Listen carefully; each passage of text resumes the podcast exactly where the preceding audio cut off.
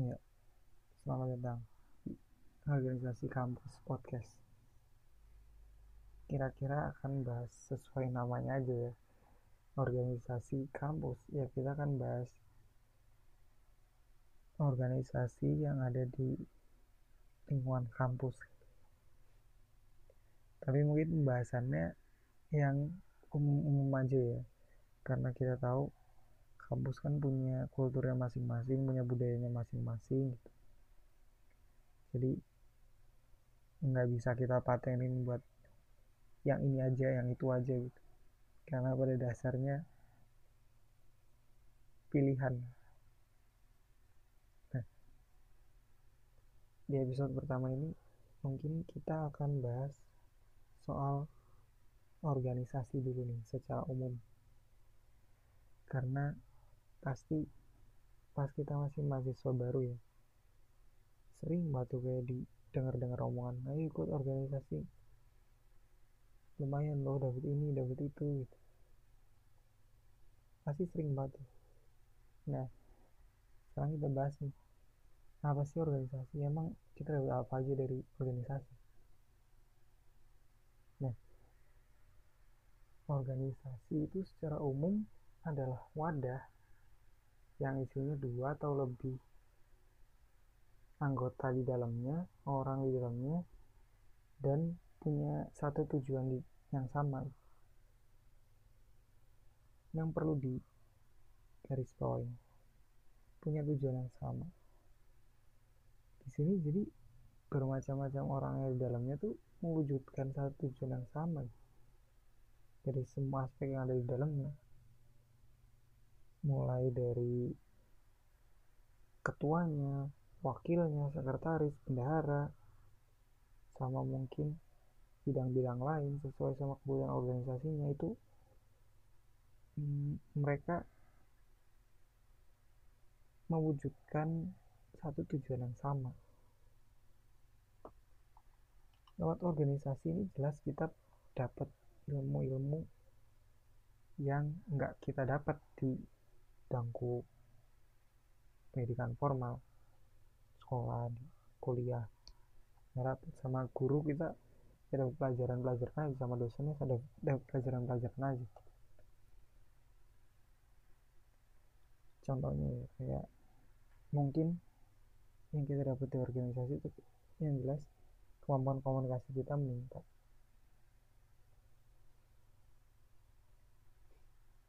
Ya karena emang kita ketemu sama banyak sekali orang dalam lingkungan organisasi. Yang tua, yang lebih tua, yang muda, yang berpengalaman, yang kurang berpengalaman, yang berpendidikan tinggi, yang berpendidikan seadanya, yang ketika dalam situasi formal ketika situasi non formal nah masing-masing itu punya kayak tata caranya masing-masing. Kalian nggak bisa ngobrol sama orang-orang berpendidikan tinggi yang kayak sama profesor sama dokter lah gitu misalnya. Kalian ngobrol pasti pakai bahasa-bahasa ilmiah apa segala macam ini tapi ketika kalian ngobrol sama yang biasa-biasa aja itu yang mungkin kurang paham sama bahasa-bahasa ilmiah ya pasti kalian kayak kalau yang menyampaikan yang kira-kira dipahami jadinya ya masuk juga gitu. Oh ternyata ini maksudnya ternyata ini maksud. Kayak gitu. Jadi lewat situasi-situasi yang ada di dalam organisasi itu kita bisa dapat kemampuan komunikasi yang meningkat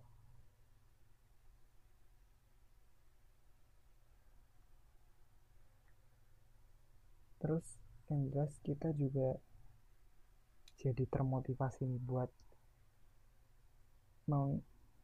membangkitkan jiwa pemimpin kita karena rasanya hampir di organisasi mana pun anggotanya tuh ada yang bersaing buat jadi pemimpin.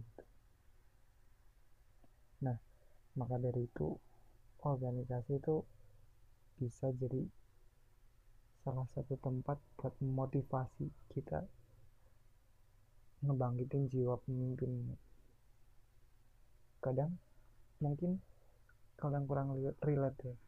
Mungkin kayak gini aja deh. Ada orang yang mau nyalonin jadi pemimpin misal. Nah cuman kalian tahu tuh orang itu kayaknya enggak deh.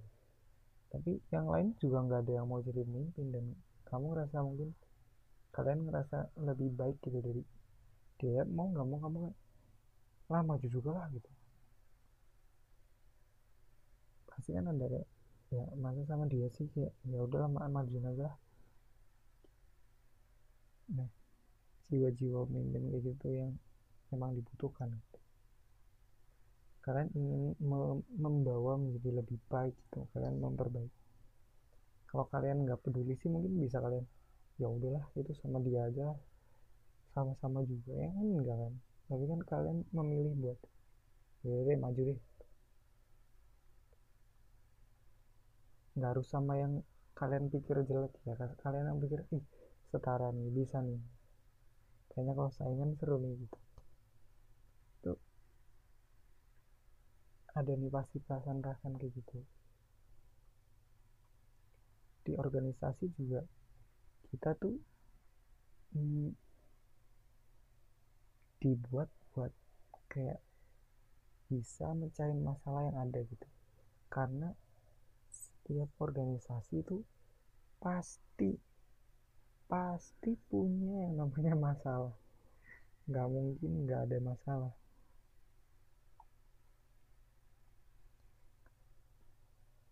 Dari yang kecil atau yang besar sekalian gitu ya.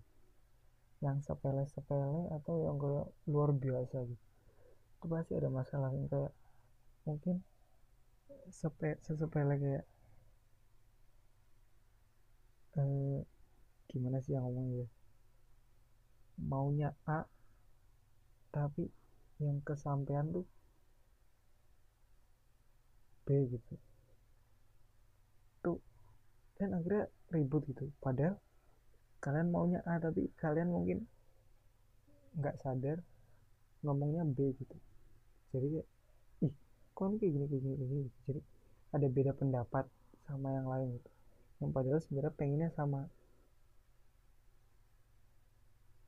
Kayak gitu. Atau sekedar kayak kurang komunikasi antara anggota gitu. Dari kepengurusan. Pasti ada yang kayak gitu.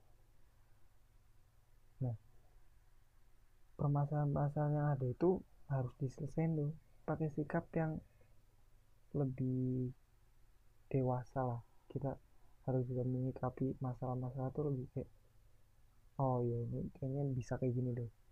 Jangan terus kayak ada masalah kayak hei nggak usah kayak gini gini gini bawa segala macam gitu.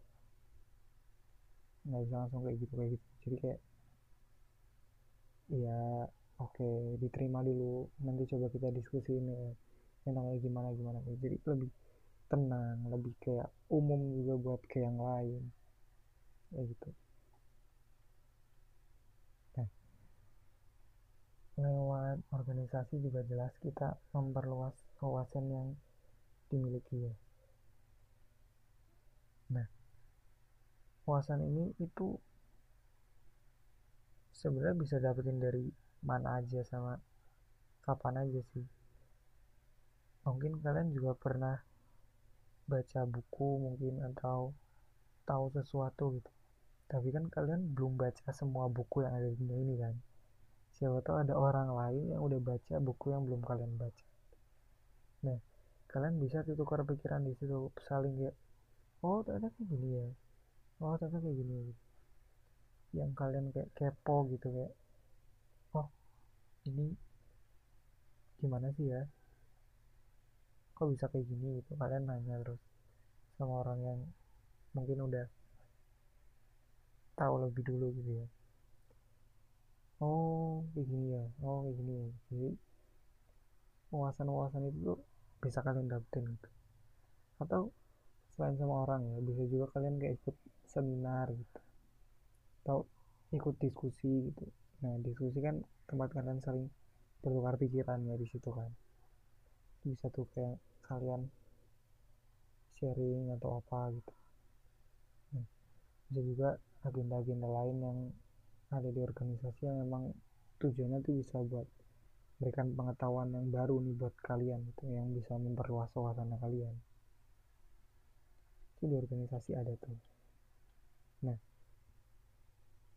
di organisasi juga jelas kita memperluas pergaulan gitu karena yang tadi udah dibilang juga kan kayak pasti kita ketemu sama orang-orang baru gitu. Orang-orang yang mungkin lebih berpengalaman.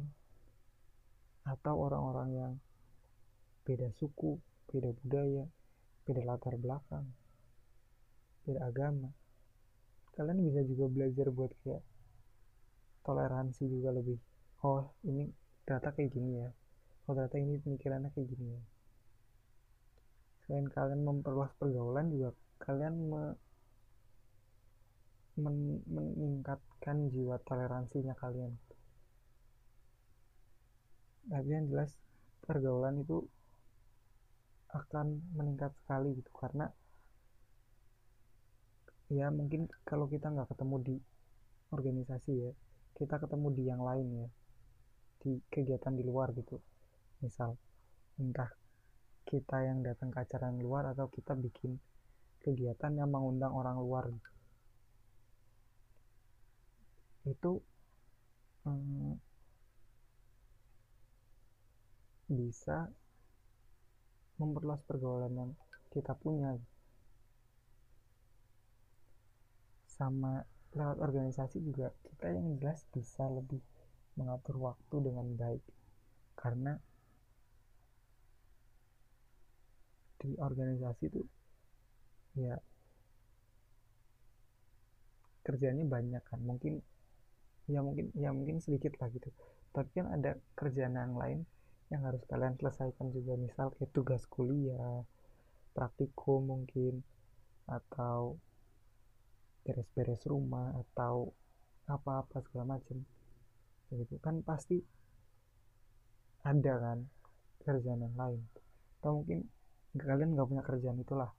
Cuman kalian ikut di dua organisasi yang beda gitu. Nah kalian juga harus disiplin misal ada kegiatan yang sama di area yang sama kalian juga harus disiplin oh yang ini sampai jam segini yang ini sampai jam segini harus pas waktunya gitu.